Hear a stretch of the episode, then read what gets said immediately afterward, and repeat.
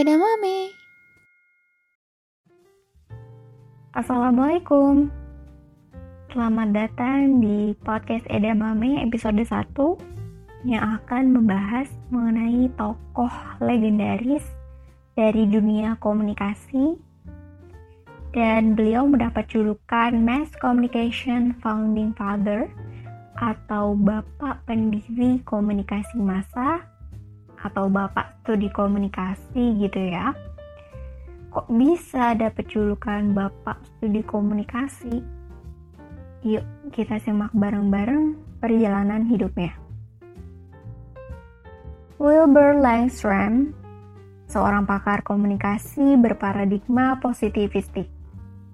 Lahir di Marietta, sebuah kota yang terletak di batas selatan Ohio, Amerika Serikat pada 5 Agustus 1907.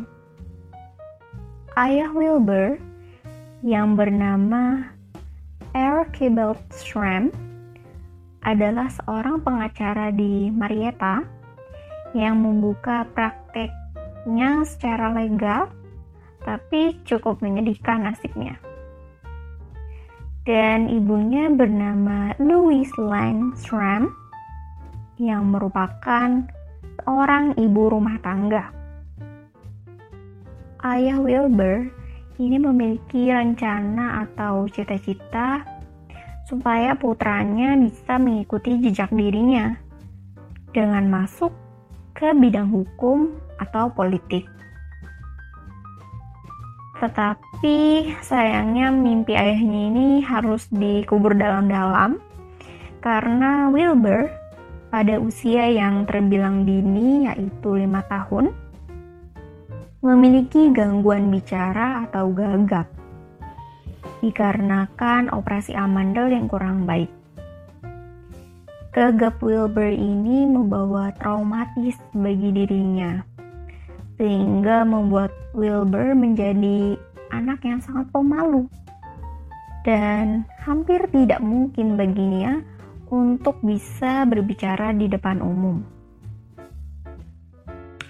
Mungkin sebagian dari kita atau aku yang tidak mengalami gangguan bicara ketika kita harus public speaking atau berbicara di depan umum sering kali kewalahan untuk mengontrol atau mengatasi rasa kecemasan, grogi, dan malah kalau aku jatuhnya kayak malu-maluin sih.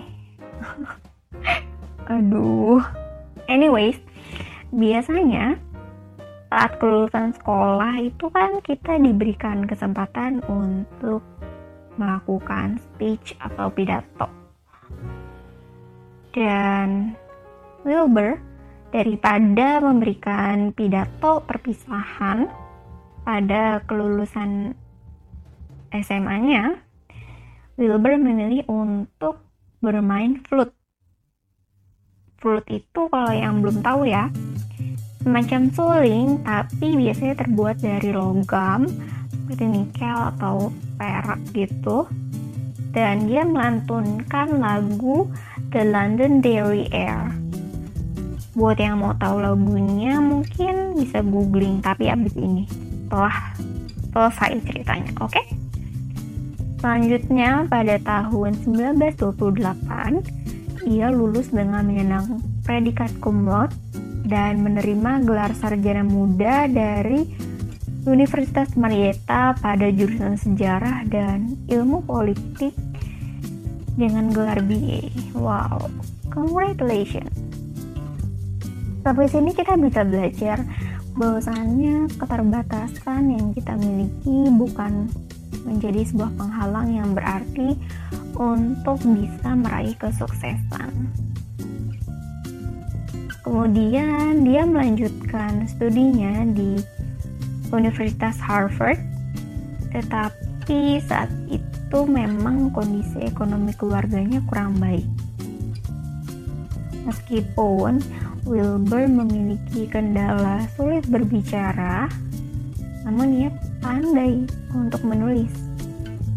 Jadi biasanya dalam waktu senggangnya selama kuliah di Harvard, aduh aku nggak bisa bayangin kuliah di Harvard seenggaknya gimana ya oke lanjut lanjut ia mencukupi biaya kuliahnya dengan bekerja paruh waktu sebagai reporter olahraga pada koran Marietta Register dan bekerja di Boston Herald.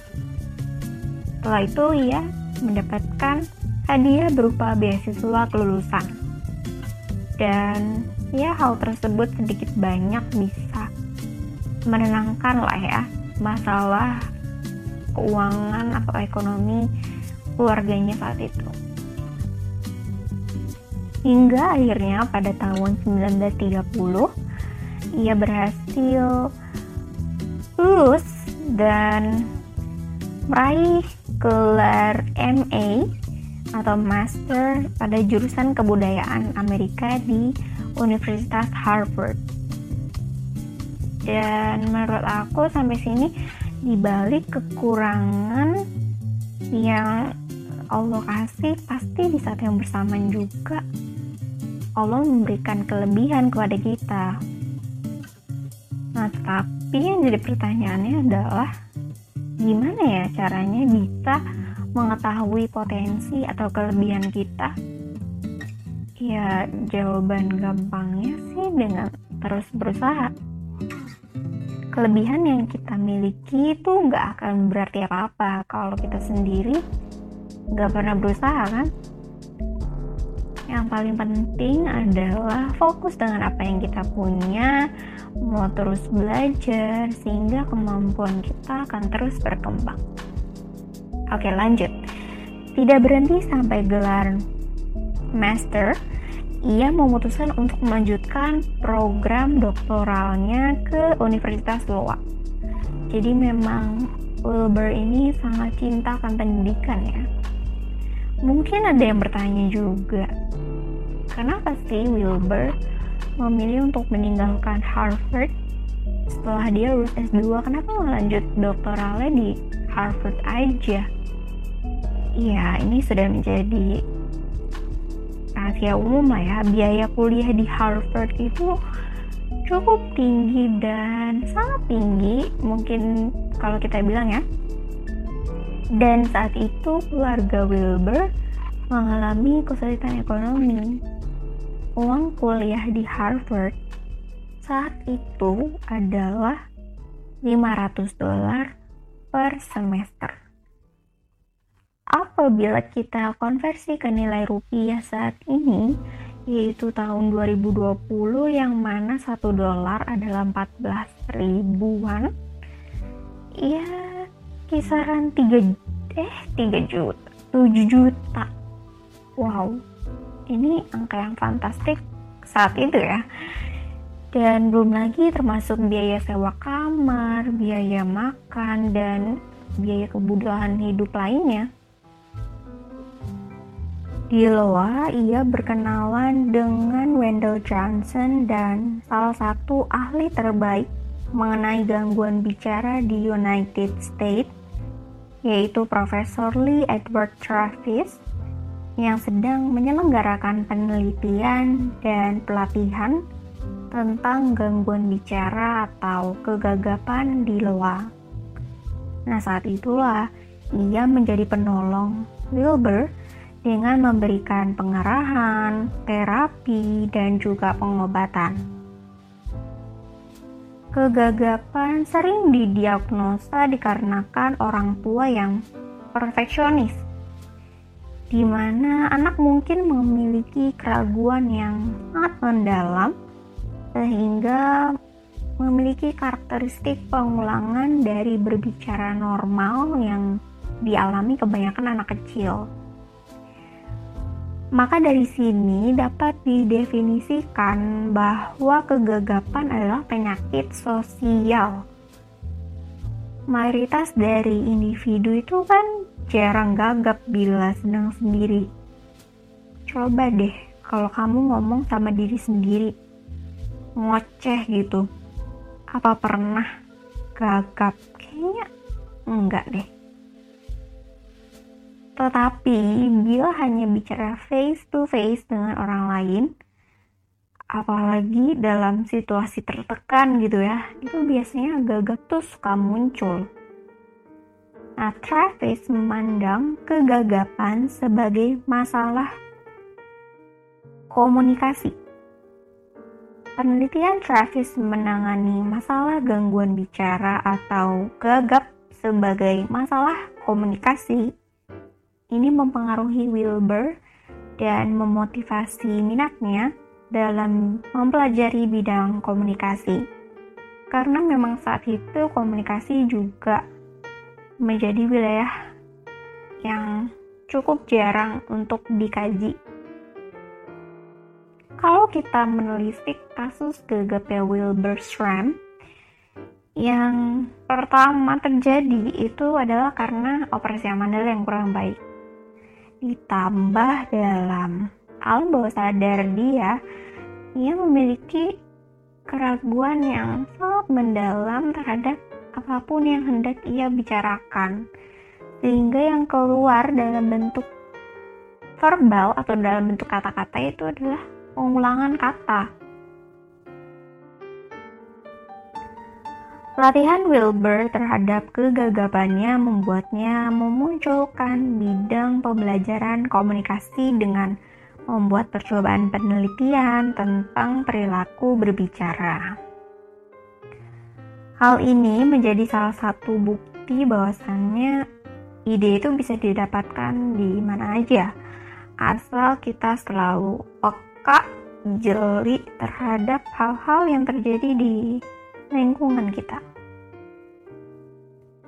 Setelah Wilbur menerima beasiswa pasca sarjana dari American Council of Their Societies dan ia memutuskan untuk tinggal di Loa menyelesaikan program doktoralnya sekaligus sebagai anggota peneliti nasional yang mana bekerja sama dengan legendaris yaitu Profesor Carl E. Caesar kemudian dengan para psikolog, fisiologis, dan juga dekan dari Graduate College yang menyelidiki tentang ritme pembacaan puisi.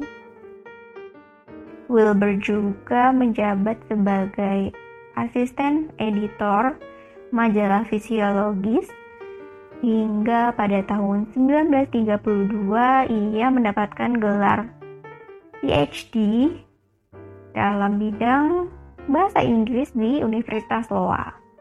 Ia menamatkan studinya. Kemudian pada tahun 1935, ia menjadi asisten profesor pada jurusan bahasa Inggris sekaligus mendirikan majalah sastra American Prophecies, a journal of Critical and Imaginative Writing. Kemudian pada tahun 1939 ia dipromosikan menjadi kolega atau teman sejawat profesor. Dan hingga akhirnya pada tahun 1941 ia bisa menjadi profesor penuh full profesor Selain mendirikan majalah, ia juga menjabat sebagai editor dari tahun 1935 hingga 1942. Dan tujuan Wilbur mendirikan majalah itu adalah untuk menyediakan tempat di mana para penulis muda Amerika bisa menulis kata atau kata pembuka untuk karir mereka jadi memang Wilbur ini memberikan kesempatan kepada generasi mudanya untuk berkarya gitu. Kemudian Departemen Bahasa Inggris Universitas Negeri Loa memiliki minat panjang dalam penulisan kreatif. Wilbur membangun tradisi itu dengan menjadi direktur pertama Loa Writers Workshop pada tahun 1937 hingga 1941. Ia memperluas loka karya menjadi program tingkat pasca sarjana Wow, jadi yang berupa awal mulanya hanyalah workshop hingga menjadi program yang cukup serius. Dan selama waktu itu pula, Wilbur menulis karya fiksinya. Wilbur memperoleh reputasi yang cukup diperhitungkan sebagai penulis dan artikel majalahnya juga pernah diterbitkan ulang dalam sebuah kumpulan puisi hingga pada tahun 1942 ia meraih juara tiga pada O. Henry Prize dalam dunia menulis fiksi. Dan pada tahun 1947 beberapa karyanya juga dikumpulkan di Wine Wagon Smith dan Other Yarn. Dia melanjutkan karirnya sebagai penulis dan juga sebagai profesor. Dan yang menjadi titik balik dalam karir Wilbur yang kemudian dijadikan bidang baru dalam penelitian komunikasi itu terjadi sewaktu Amerika Serikat memasuki Perang Dunia II. Wilbur menjadi relawan untuk tugas pemerintah di Washington DC di mana ia mengarahkan program-program untuk menjadi bahan informasi Amerika Serikat. Dari tahun 1941 sampai 1943 ia bekerja sama dengan sosiolog Paul Lazarsfeld kemudian dengan ilmuwan politik Harold Laswell. Ini teori komunikasinya juga terkenal banget. Kemudian dengan psikolog sosial Kurt Lewin dan Carl Hofland dan masih banyak lagi para ilmuwan sosial Amerika yang terlibat dalam berbagai tugas masa perang di Washington. Mereka bertemu secara rutin, secara intens untuk merencanakan kegiatan komunikasi guna, guna mempromosikan upaya perang seperti kampanye nasional, kemudian membeli obligasi perang, dan lain sebagainya. Wilbur dan rekan-rekan sesama sarjana saling sharing dalam penelitian komunikasi dan berusaha untuk menerapkan perspektif ilmiah baru dalam mengevaluasi film-film pelatihan militer, menganalisis propaganda sekutu, merancang kampanye komunikasi publik, dan lain sebagainya. Visi Wilbur untuk bidang wilayah ilmu studi komunikasi tumbuh dari jaringan multidisipliner atau berbagai pengetahuan yang ia peroleh saat di Washington itu. Wilbur memiliki semangat I can do it, aku pasti bisa, yang mana dalam hal ini tuh sangat amat diperlukan untuk meluncurkan visinya. Pada tahun 1953, Wilbur pergi ke Stanford University, tempat ia akan menghabiskan 20 tahun berikutnya sebagai Direktur Institut Riset Komunikasi yang menjadi pusat penelitian komunikasi paling disegani dan paling berpengaruh.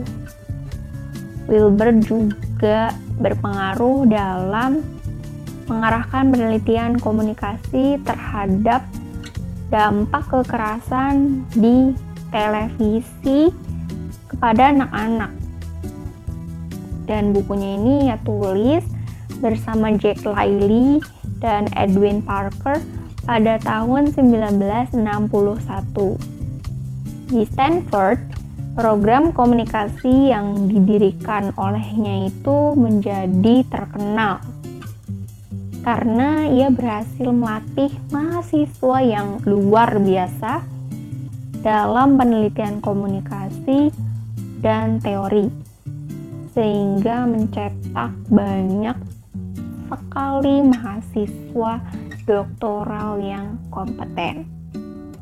Pada tahun 1964, Wilbur memiliki cukup pengaruh karena berkat bukunya yang berjudul Mass Media and National Development diterbitkan bersama dengan UNESCO yang secara efektif mulai meneliti hubungan antara penyebaran teknologi komunikasi dan pengembangan sosial ekonomi. Para dokter baru ini dalam dunia komunikasi dari Institut Penelitian Wilbur yang dulunya bergabung dengan Fakultas Jurnalisme yang kemudian secara bertahap berpengaruh dalam ilmu komunikasi. Perubahan ini tercermin dari meningkatnya penggunaan istilah komunikasi dalam nama mereka. Sebagian besar terjadi kisaran tahun 1970 dan 1980-an.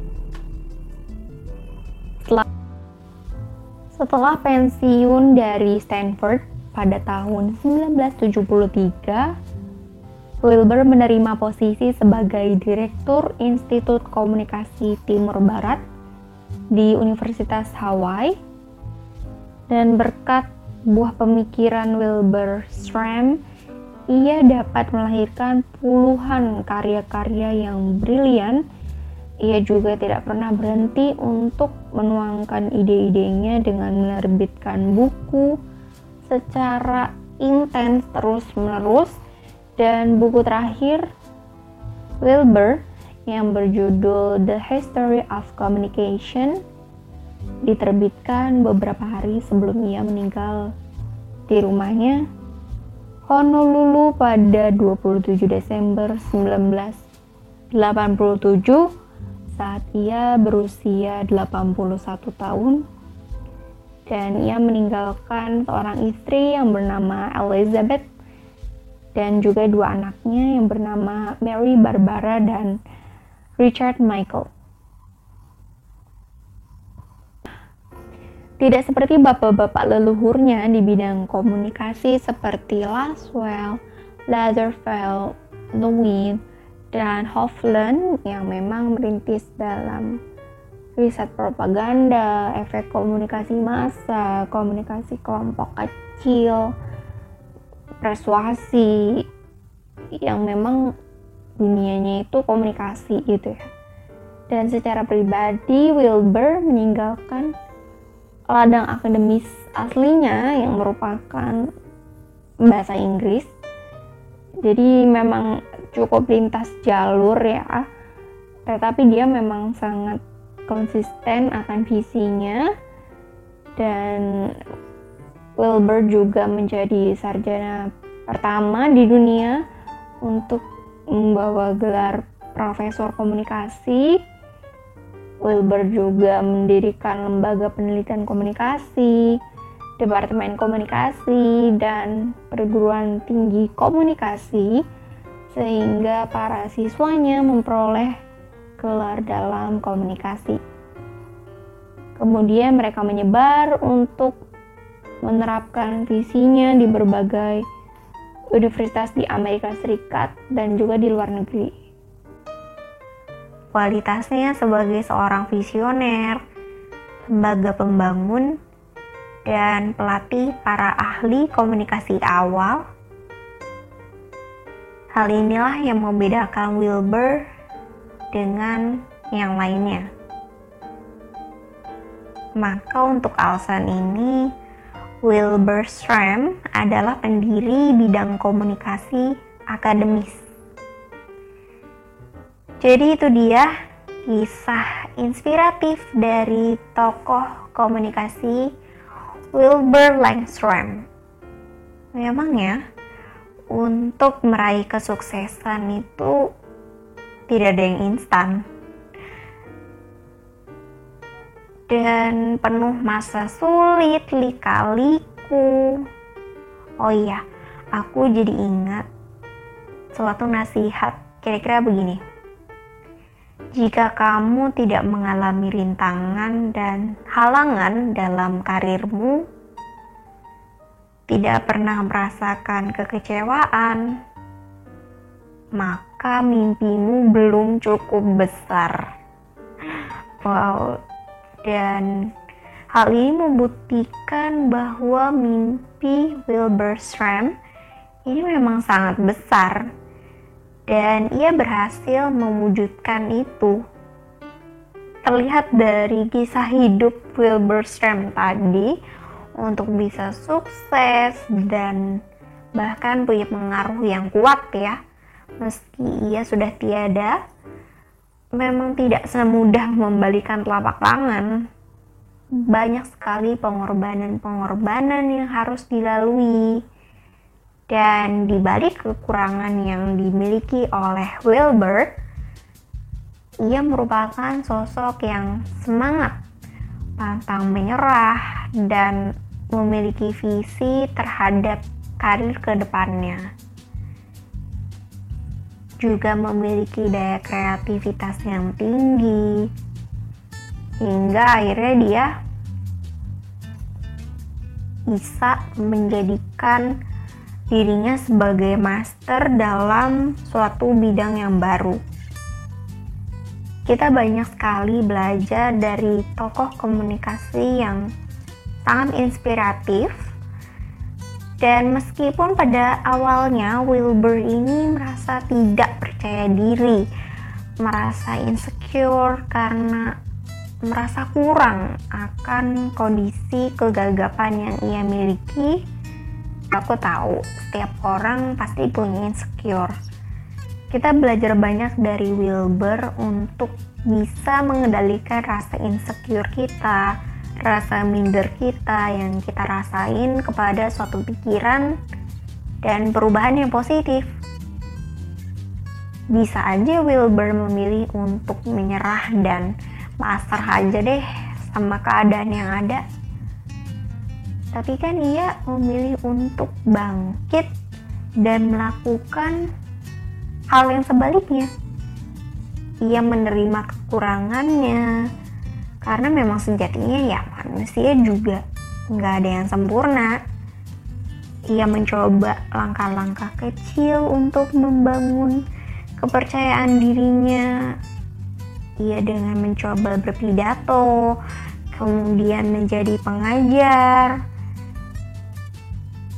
terus pantang menyerah, punya visi dan tujuan, tahu langkah ke depannya akan seperti apa, komitmen dengan apa yang ia pilih, mau belajar hal baru, dan ya, itu dia masa sulit yang dialami Wilbur hingga bisa menjadi orang yang amat berperan dalam dunia komunikasi hingga kini tentunya. Menurut aku, kita bisa menjadi orang yang sukses.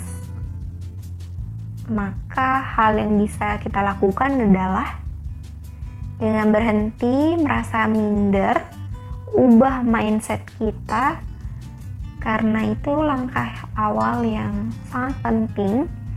Yakin dulu sama diri sendiri, berhenti untuk diem aja dan berhayal. Jangan kebaikan halu guys. Do something. Yuk, jangan mager yuk. Karena kesempatan selalu terbuka untuk siapa pun itu. Percaya aja deh bahwa satu saat kita bisa di posisi itu dengan cara dan gaya yang kita buat sendiri. Berbeda, tapi tetap berkualitas. Oke, sampai sini dulu. Terima kasih sudah mendengarkan. Wassalamualaikum warahmatullahi wabarakatuh.